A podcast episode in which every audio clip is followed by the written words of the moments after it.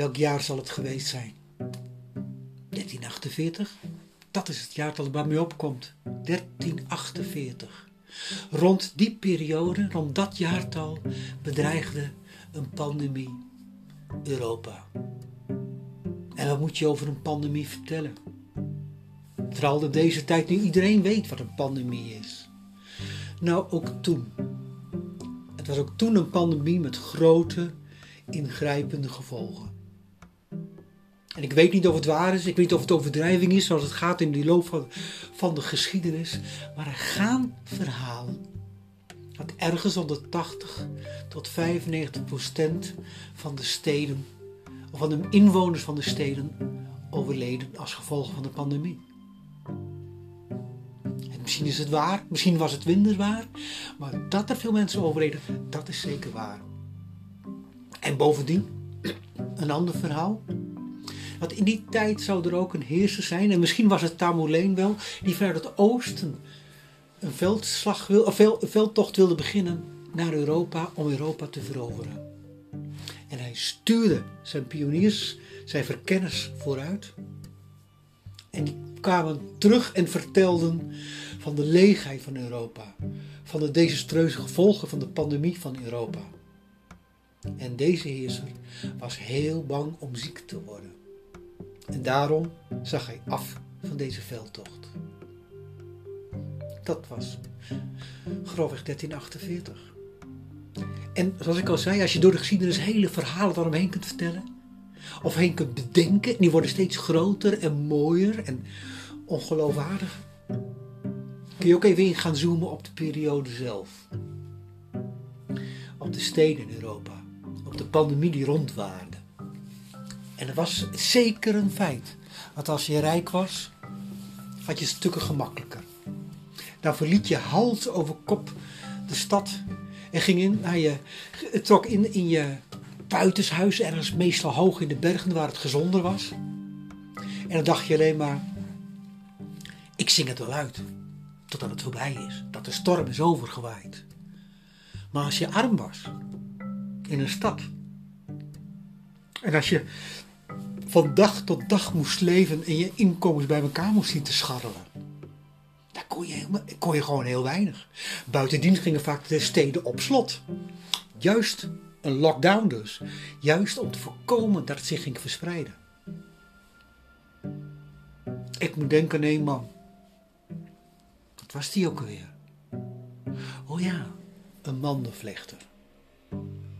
Mandenvlechter die gewoon ergens aan de buitenkant van de stad woonde, ergens onder de stadsmuur.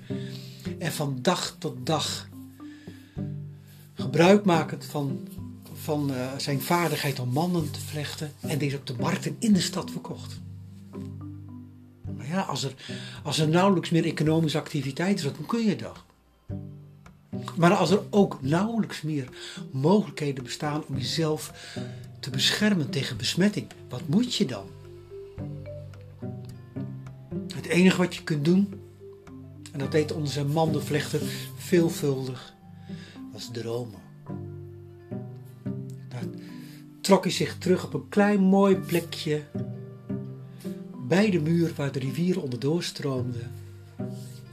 Beschut zodat niemand hem goed zag en dan ging hij dromen en dacht hij, ah, wat is het toch mooi als je, als je gewoon je lot iets mooier kunt maken met een prachtige fantasie. En dan droomde hij van een karavaan. En dat was het mooiste wat hij kon bedenken. Stel je eens voor dat je een karavaan zou bezitten. Een karavaan die van alle streken uit de wereld, zeg maar van Wegistan naar hier zou komen. En van alles en nog wat zou meenemen. En stel dan dat jij de eigenaar was van die karavaan. Dat je hier zat en wachtte tot eindelijk de karavaan zou aankomen. Nou, dat kan ik jou vertellen, want dan wist je. Je had bepaalde, uiteraard bepaalde codes afgesproken. Als er veel zadelslassen rood waren, dan had de karavaan veel robijnen meegenomen. En als ze blauw waren, veel opalen. En groen, smaragden. En dat kon je al van verre zien. En dan, was, dan zou hij blij zijn. Nou, van, gaat, het is goed, we hebben goede zaken gedaan. Het gaat goed met mijn karavaan. Het gaat goed met mij. Maar wat hij het allermooiste vond, als vooraf van die karavaan, deze werd vergezeld door een aantal paarden. En die paarden die hadden zadeltassen en uit die zadeltassen waren kleine witte windselsingen naar beneden. En uiteraard door zo'n woeste tocht door de woestijn ging het wel eens los. En dan kon je het gewoon zien. En dan kon je het horen. Het geluid van de karels, parels die tegen elkaar botsten. Ja. Dan wist hij, als hij dat zag en als hij dat hoorde, dan was het een geweldige tocht. Een geweldige, goede karavaan voor hem.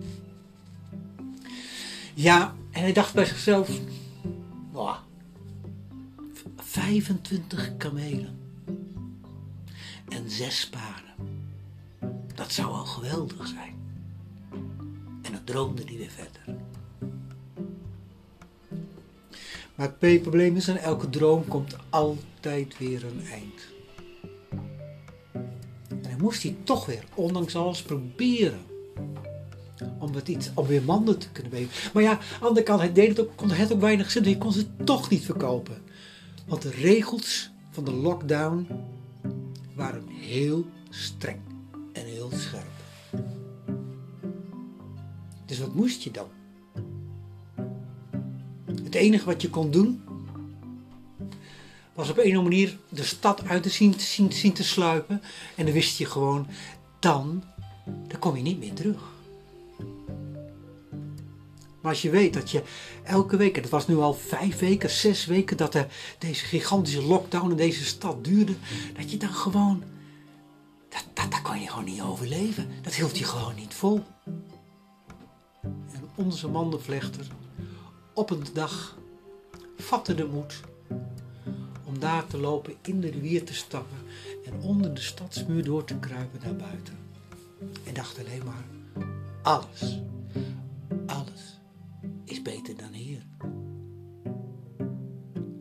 Het boeiende was natuurlijk dat onze mandenvlechter, omdat hij zo arm was, nog nooit, helemaal nog nooit buiten deze stad was geweest.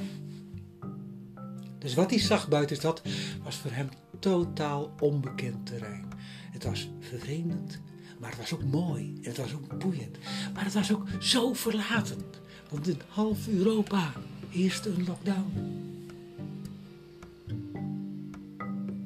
Dus het enige wat hij kon bedenken was lopen, reizen en hopen. En vooral zijn tijd, als hij geval te wanhopig voelde, zijn tijd vullen met dromen. Dromen over die karavaan met die 25 kamelen. En die rode zadeltassen met robijnen, de groene met smaragd en de blauwe met opaal. En dan, misschien waren er ook nog wel een aantal paarden bij. Waar je uit de verte al het gerinkel kon horen van, van de parels die tegen elkaar aansloegen. En dan zag je de witte lint al uit die zadeltas en dan wist je van, ah, dat is mooi. Zo'n karavaan wil ik hebben.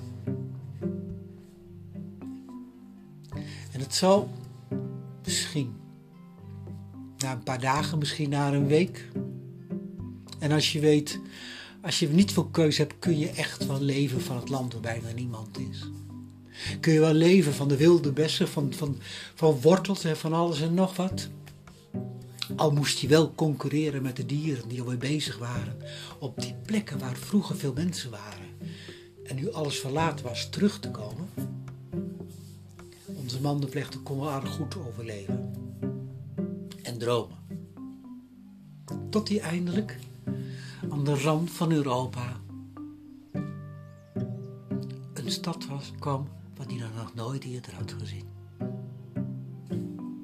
En hij keek omheen en tot zijn verrassing was, waren de poorten open. En hij zat me af te vragen, zouden ze, zouden ze het hier niet weten? Zouden ze hier geen lockdown hebben? En ik, ik moet gewoon niks zeggen. Ik ga gewoon naar binnen. En onze mandenvlecht gaan binnen. En ging uiteraard binnen bij de eerste, de beste herberg binnen van de poort. En zoals het in die streken gewoon was. Daar zat je nog maar net en dan kwam de waard van de herberg, of de herbergier, kwam naar je toe en bood je een kopje koffie aan. En uiteraard maakte hij daar een praatje. En die vroeg jou, Oh, ik heb u nog nooit eerder gezien. Waar komt u vandaan? En wat gaat u naartoe? En op dat moment schrok bijna onze mondenvlek op uit, uit zijn dagdroom van uiteraard een karavaan. En ze, ik, eh, ik, kom, ik kom vandaar en ik, ik, daar, en ik wil daarheen. En nee, ik wacht hier. Ik wil hier wachten. Want straks, heel misschien, komt straks mijn karavaan.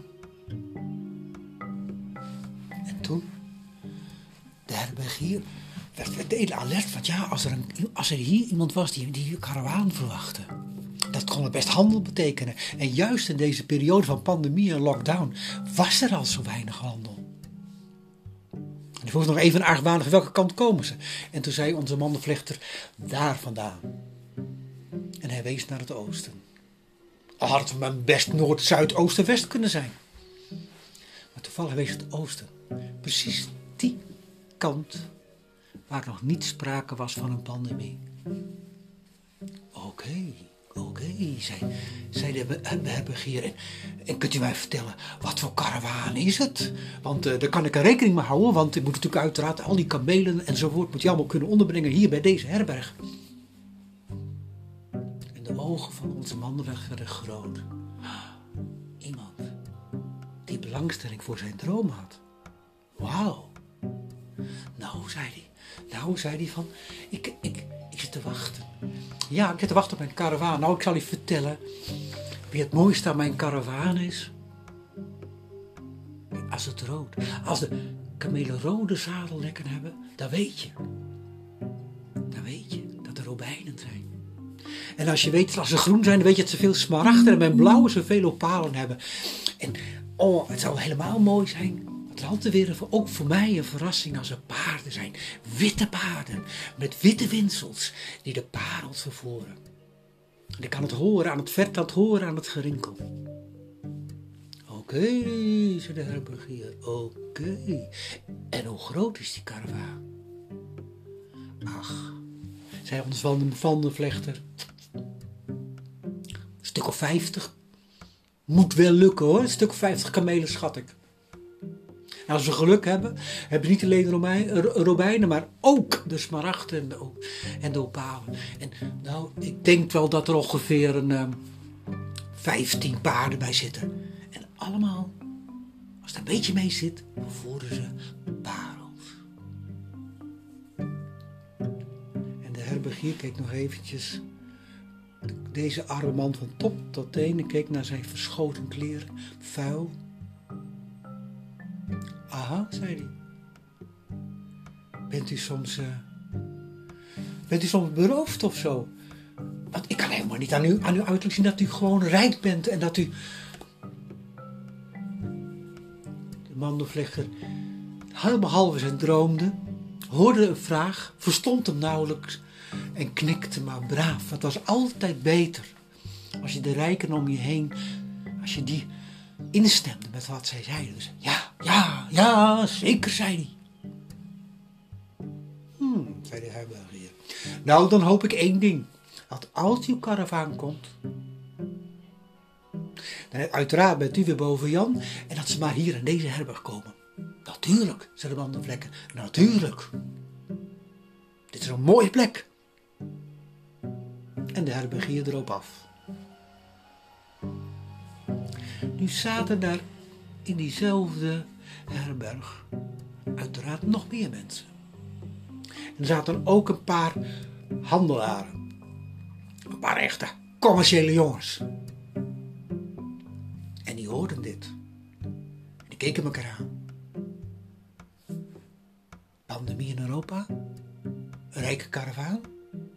Eindelijk weer handel. Eindelijk weer een opbloeiende economie dit moeten wij, dit, dit, dit, hier moeten wij iets mee. Echter, een van deze handelaren was sneller dan de rest. En voor de groep tot een groepsbesluit kon komen, was hij al opgestaan en was met een verse kop koffie naar onze mandenvlechter toe gegaan. En hij stelde zich voor mandenvlechter keek op en zag daar een heer voor zich staan met prachtige kleden. Duidelijk rijk, duidelijk een man voornaam man. En of hij nou handelaar was, of, of, of bestuurder, of, of, een, of een dokter. Hij wist het niet, maar het was duidelijk een voornaam mens. En uiteraard, welkom, gaat u zitten. Wel, zei de handelaar, ik heb gehoord dat u, uh, dat u wat pech hebt. Hoezo, dacht hij? Ja, ik heb gehoord dat u, u beroofd en hij wees op de kleren van de handelaar die gescheurd waren en vuil waren en oud. Ja, zei de mandenvlechter maar. Ja.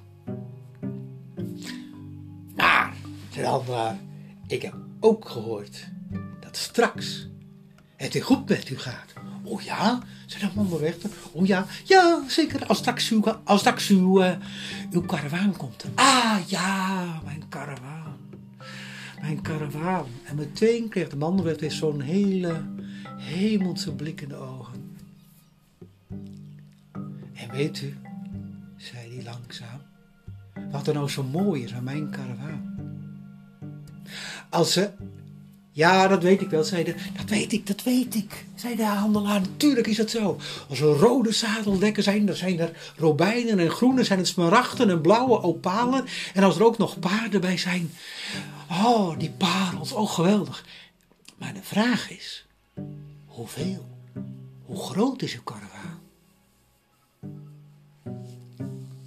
Nou, zei de mandenvlechter. Ik denk, ik denk, nou het moeten wel honderd kamelen zijn. En, weet u, niet iedereen, het is niet alleen maar robijnen. Nee, sommigen hebben een rode zadel, sommigen groen en sommigen blauw. En ze worden begeleid. Dus ik schat ongeveer 30 paarden. Misschien wel 40. En de meeste paarden zijn wit. En die hebben witte winsels. En daarin zit de parel verborgen. En dan komen ze woest toch, dan gaan ze los en dan tinkelen ze tegen elkaar. En dan, ja, zei hij. Ja, zei de handelaar. Wat goed. Maar u hebt nu pech. Het gaat nu even niet goed met u. Nee, zei de mandenvlechter. Ik voel me ook echt een beetje in de steek gelaten. En ik dacht aan zijn thuisstad, waar hij al wekenlang gebonden was aan zijn kleine stalletje, aan zijn kleine werkplaatsje met zijn manden. Dat je geen contact met iemand anders mocht hebben. Dat je wel mocht werken, maar niet mocht verkopen. Dat hij zelfs met zijn vrouw ruzie had gekregen. Dat ze vaak elkaar uitscholden. Dat zijn papa zelfs weg was gelopen van hem, omdat ze het niet met hem uithield in deze situatie. Ja, dat is zo, zei de mandenvlechter. Nou, de handelaar. Weet u, ik ben handelaar. Ik ben, ik heb ook menige karavaan in het verleden mogen begeleiden of aan deel kunnen nemen. Ik vind broeders onder elkaar moeten elkaar helpen. Mijn voorstel is: ga met mee naar huis. Ik zal zorgen dat er weer goede kleden komt en dan wachten we samen op uw karavaan. En dan komen we gewoon elke dag hier kijken of die karavaan is aangekomen. En ach, laat misschien ook maar zitten. Maar als u wilt, kunt u mij terugbetalen als uw karavaan is aangekomen. Ja, zei de mandenvlechter en hoorde nauwelijks wat anders zijn. Ja, mijn karavaan, mijn karavaan. En hij luisterde in gedachten naar het getingel van al die parels die loskwamen van hun wikkels. De groep andere handelaren zagen tot de verbazing hun eigen collega en deze arme sloeber, die toch een karavaan moest hebben, de deur uitgaan. Ze stonden direct op. Ze gingen vragen bij de herbergier. We hebben u met hem ook zien praten. Wat is dat voor iemand? Nou, zei de herbergier. Dat klopte echt hoor. Dat is, eh, hij is echt van een karavaan. En ja, hij is wat arm. Want eh, hij is overvallen. En hij zit nu te wachten tot zijn karavaan komt. En zal dan alles vergoeden. Alle onkosten betalen die nodig zijn. En toen voelde deze handel zich echt eens verraden door hun collega. Zouden toch samen beslissen Beste wat één kon doen, wat ze konden doen, was gaan naar de burgemeester van de stad. Die ook verantwoordelijkheid was voor alle economische zaken in de stad. En die gingen naar hem om te klagen over hun collega. En, want zij wilden, dit kon toch niet zo. Zij wilden ook pro, kunnen profiteren van deze karavaan. En het was totaal oneerlijk. Neolibertaristisch bijna. Om zo misbruik te maken van een situatie dat hun collega de enige voordeeltjes en misschien wel al die paardenrobijnen, opalen en sparachten kreeg. De burgemeester luisterde. Hij begreep hun zorgen. Hij vond het fijn en goed dat ze bij hem kwamen. Ja, dit, is, ik, dit, dit, dit, kan zo niet. Dit, dit moet anders. Wacht hier, ik ga eens even kijken wat ik hier aan kan doen. En zo onvervaard ging de burgemeester met medenemen van een aantal mensen, zoals zij rakkers, naar het huis van deze eerste handelaar, waar hij dus een, een, ja, de mandenvlechter trof, weliswaar gewassen, eenvoudige nieuwe kleren. En hij vroeg naar hem. Oh, ja. Dus, karavaan. Ja, zei, zei onze manrechter. Ja, mijn karavaan. Oh ja, mijn karavaan. Oh, het is zo mooi. Mijn ja, het is, vertel eens wat meer over die karavaan, zei de burgemeester. Nou, zei de mandenvlechter. Rode zadeldekkers, robijnen, groene zadeldekken, smaragden, blauwe opalen en witte paarden voor de parels. Maar hoeveel, hoeveel, hoeveel? Oh, ja, zei onze kleine mandenvlechter. Nou, want dat gebeurt er zoveel in een droom waar opeens als je het aandacht geeft gaat het groeien. Nou, 200 zei hij. 200, wat, 200 parels? Nee, 200 kamelen. En wel 60, 70 paarden. En iedereen, al die dieren zijn hoog op, opgetast en opgeladen. En toen wist de burgemeester, dit was een belangrijk, voornaam en rijk man. En zonder ook maar enig overleg te voeren met de handelaar nam hij de arme man de vlechten bij de hand en nam hem mee naar huis. Want zo'n voornaam man laat je niet over aan een handelaar, die neem je als bestuurder zelf in huis. En buitendien, als je eens even keek wat de kleren hij had gekregen, was ook bijna niks. Nee, zo'n voornaam man moet je het beste geven wat je hebt, opdat je vervolgens ook straks alle revenuen terug kunt krijgen.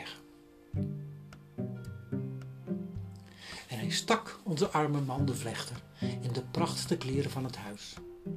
Uiteraard na het bad. Een bad vol met rozenwater.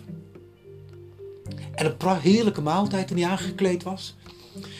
En met een groot glas donkerrode, fonkelende wijn. En toen onze mandenvlechter een beetje lodderig onderuit in zijn stoel begonnen te zakken, boog de burgemeester zich naar hem over en zei: Beste heer, kunt u een geheim bewaren? Dat kon onze mandenvlechter wel.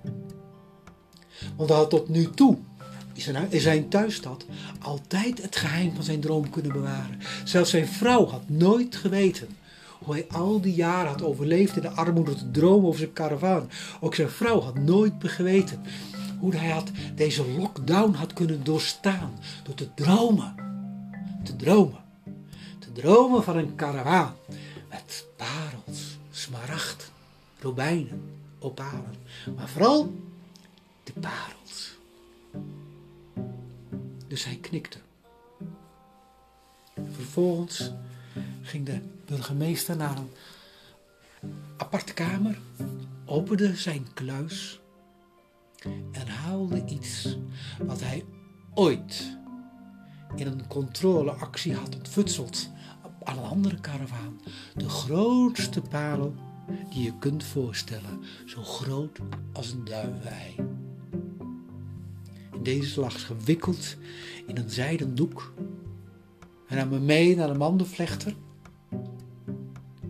legde hem voor op tafel en zei alleen maar: Kijk, zie voor uzelf. De mandenvlechter keek naar het gezicht van de burgemeester, keek naar de doek voor hem. En werd blijkbaar iets van hem verwacht. Het ging blijkbaar iets, niet om die doek zelf, maar wat die, om, wat die doek omvatte. Heel voorzichtig haalde hij laagje voor laagje de doek weg wat er binnenin zat.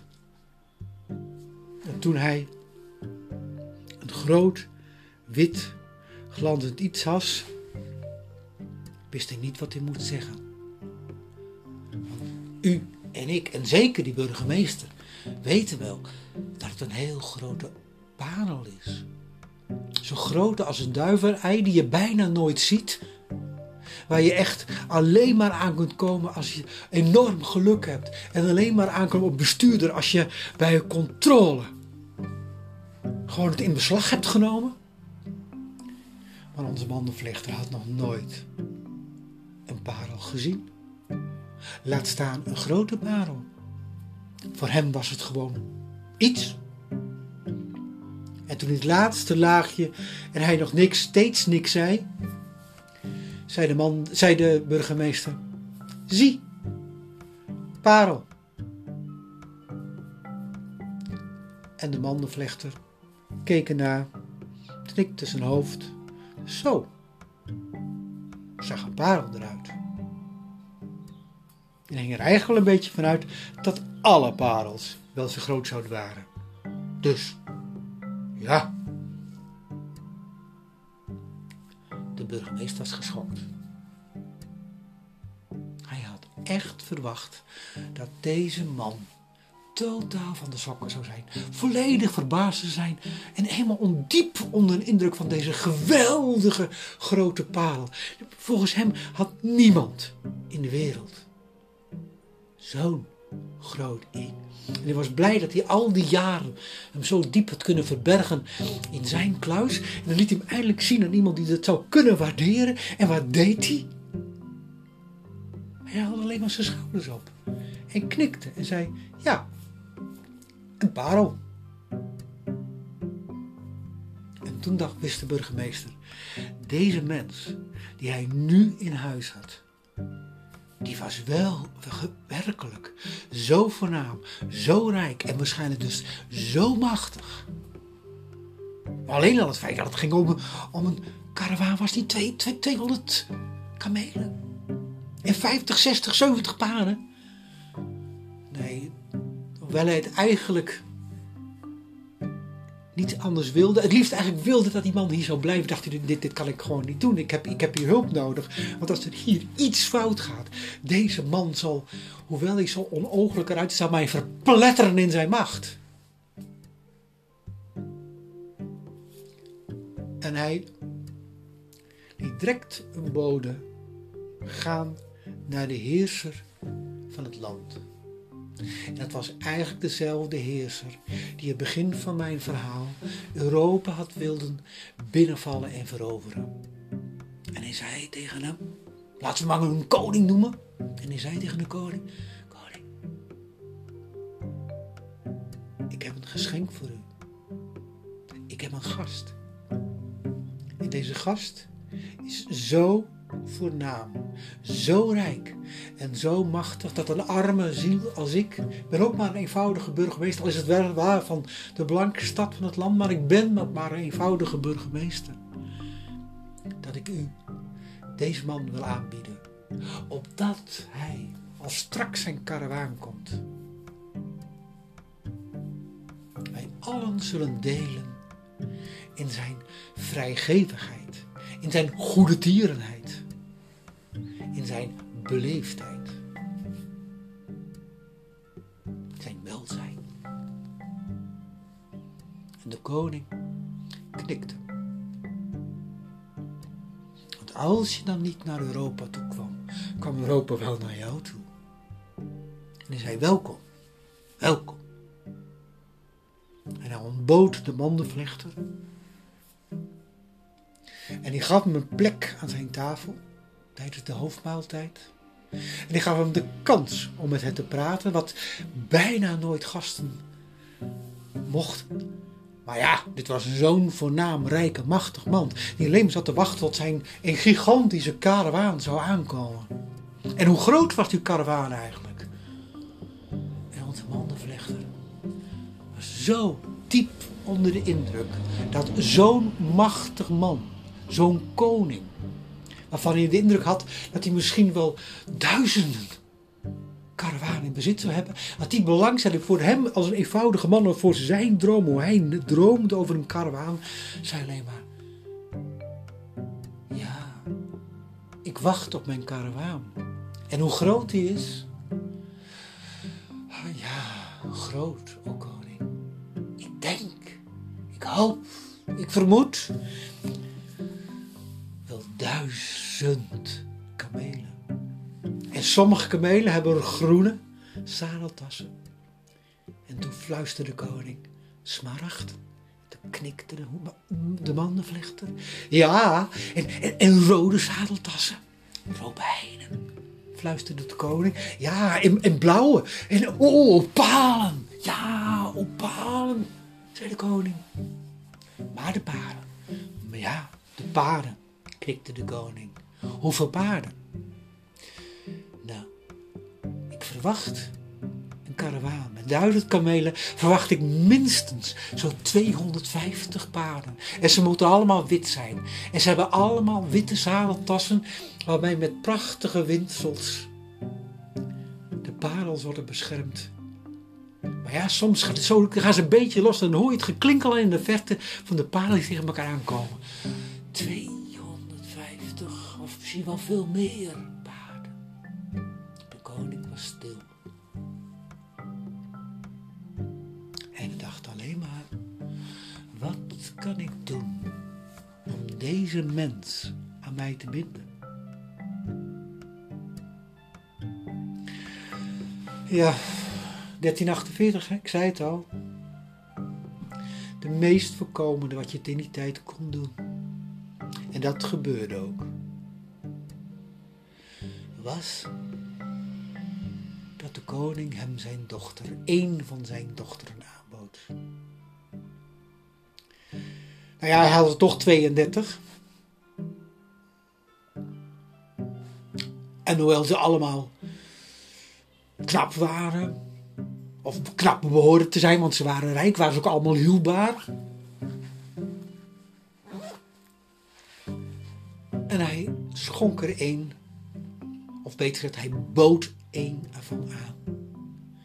Aan onze mandenvlechter. Met de woorden: Mijn Heer, u moet de tijd toch aangenaam doorbrengen totdat uw karavaan komt. Mijn karavaan, zei de mandenvlechter. Ja, mijn karavaan. Oh ja, mijn karavaan. Oh, ik wil zo vreselijk graag dat hij komt. Nou, de koning. Hij komt. Vast en zeker. Zeker en vast. En tot die tijd. Kom in het paleis wonen. Huw mijn dochter. Geniet van het luxe en alles wat goed is in het land. Nee, nee, ik hoef geen geld of niks. Weet u, als straks uw karavaan komt, laten wij dan samen kijken naar de opbrengsten. Laten we samen delen.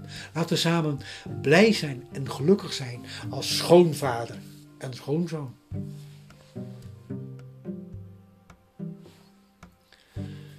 Eerlijk gezegd drong niet alles door tot de bandenverlechter. Hij droomde er halfweg van verre streken, rijk, van karavaan die op elkaar afkwamen en op kruidspunten in bij de karavaanwegen bij elkaar verder tot één grotere karavaan. Tot bepaald punt zelfs een karavaan waarvan meer dan duizend kamelen. En elk met zijn eigen waarde. Groen, smaragd, blauwe opalen, rood robijnen. En ja, die paarden, die paarden. Die enerzijds de hele karavaan bij elkaar hielden en anderzijds, wauw, die parels. En hoe meer paarden dat waren, hoe luider en mooi het lieflijke geluid kon opklinken van paals die elkaar raakten tijdens het lopen. Ja. Dus de mandenvlechter liet alles over zich heen komen. Dochter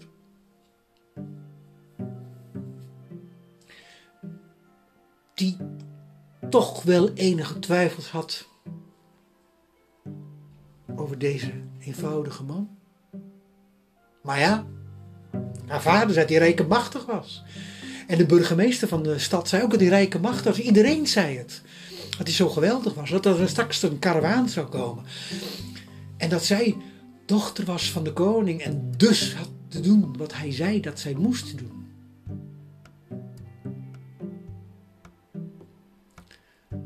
dus besloot de dochter het hoofd te buigen voor de wil van haar vader en diep in haar hart te besluiten dat ze in ieder geval ter compensatie mee zou kunnen genieten van de opbrengsten en de mogelijkheden van de karavaan als die straks kwam.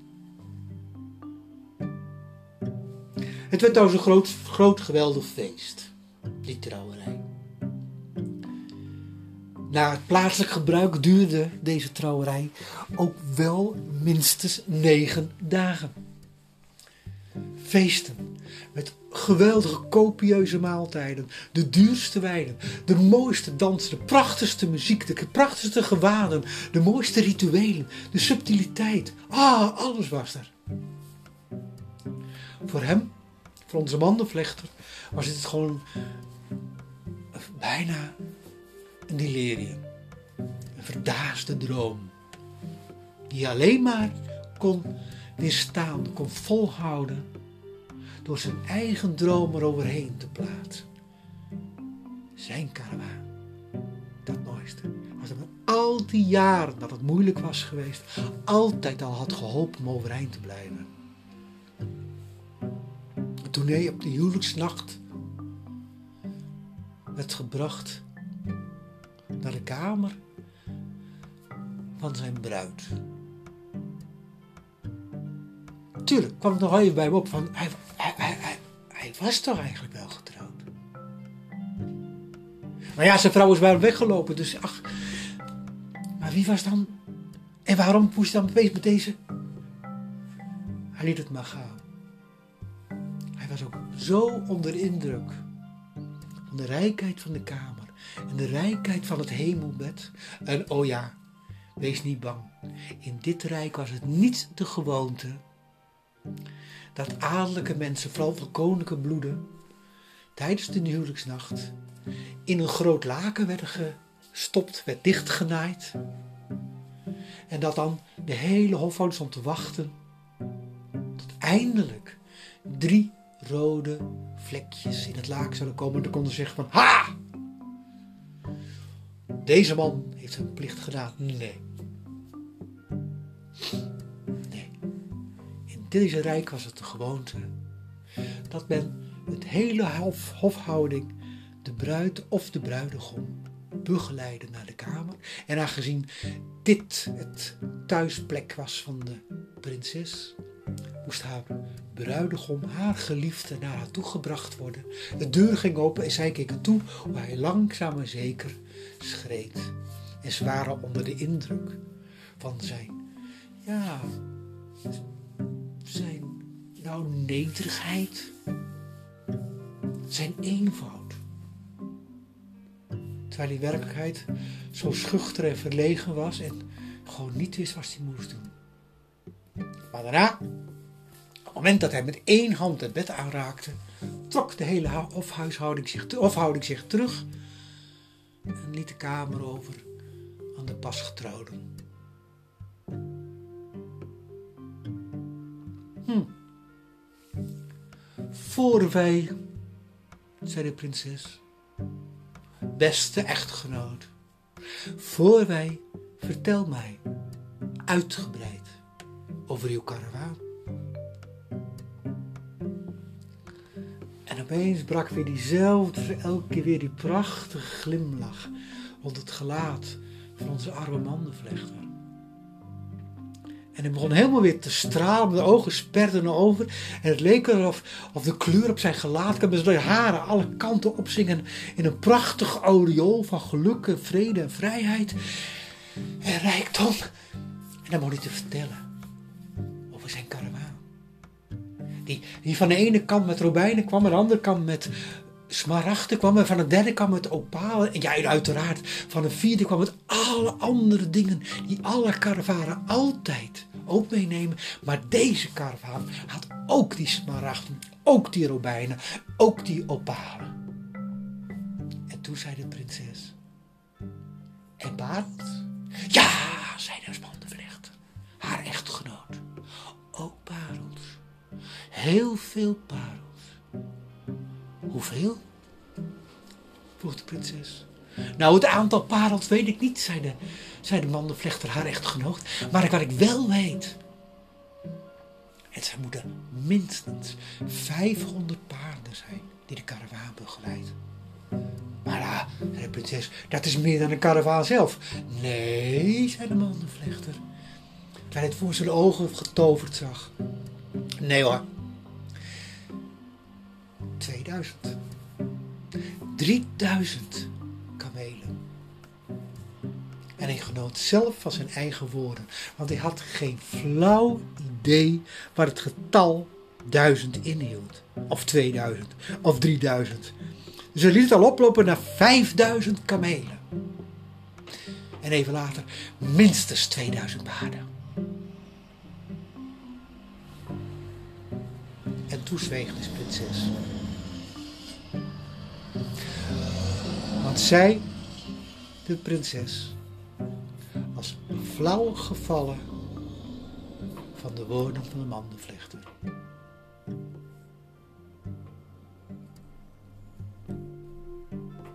En deze dacht alleen maar, oké.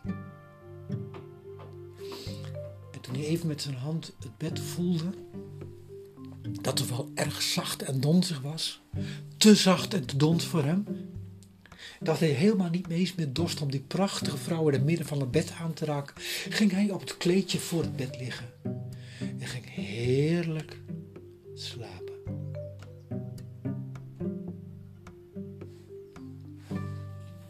En zo geschiedde het een aantal dagen.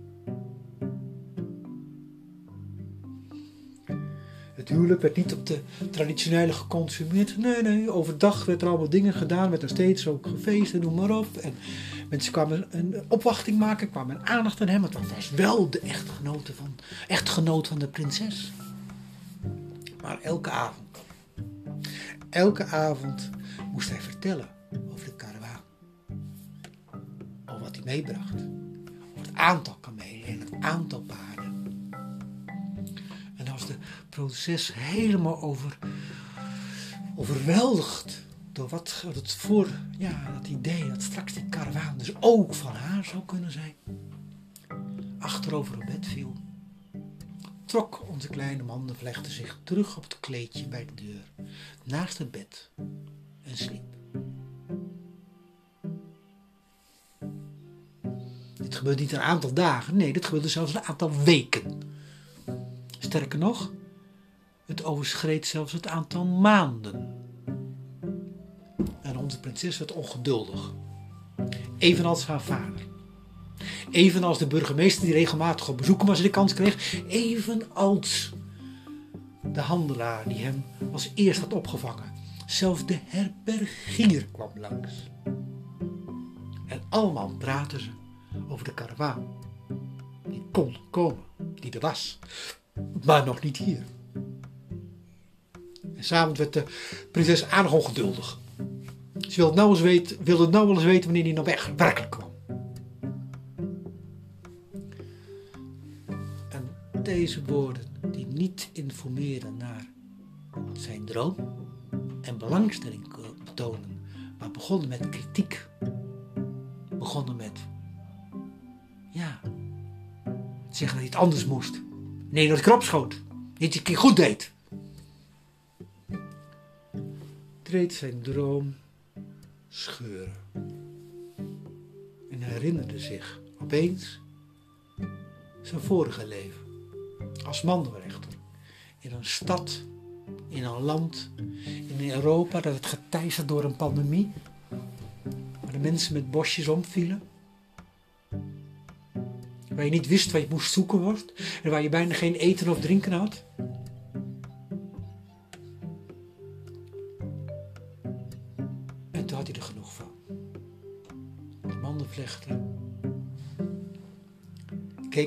En eigenlijk projecteerde hij al zijn wanhoop, alles wat slecht of fout was in het leven. Hij, hij zelfs de hele pandemie op haar. En het enige wat er nog overbleef was om te draaien, niets te zeggen, het paleis uit te lopen, het paleisterrein af te lopen, het, de stad uit te lopen en alsmaar voor te lopen de rand van het land kwam.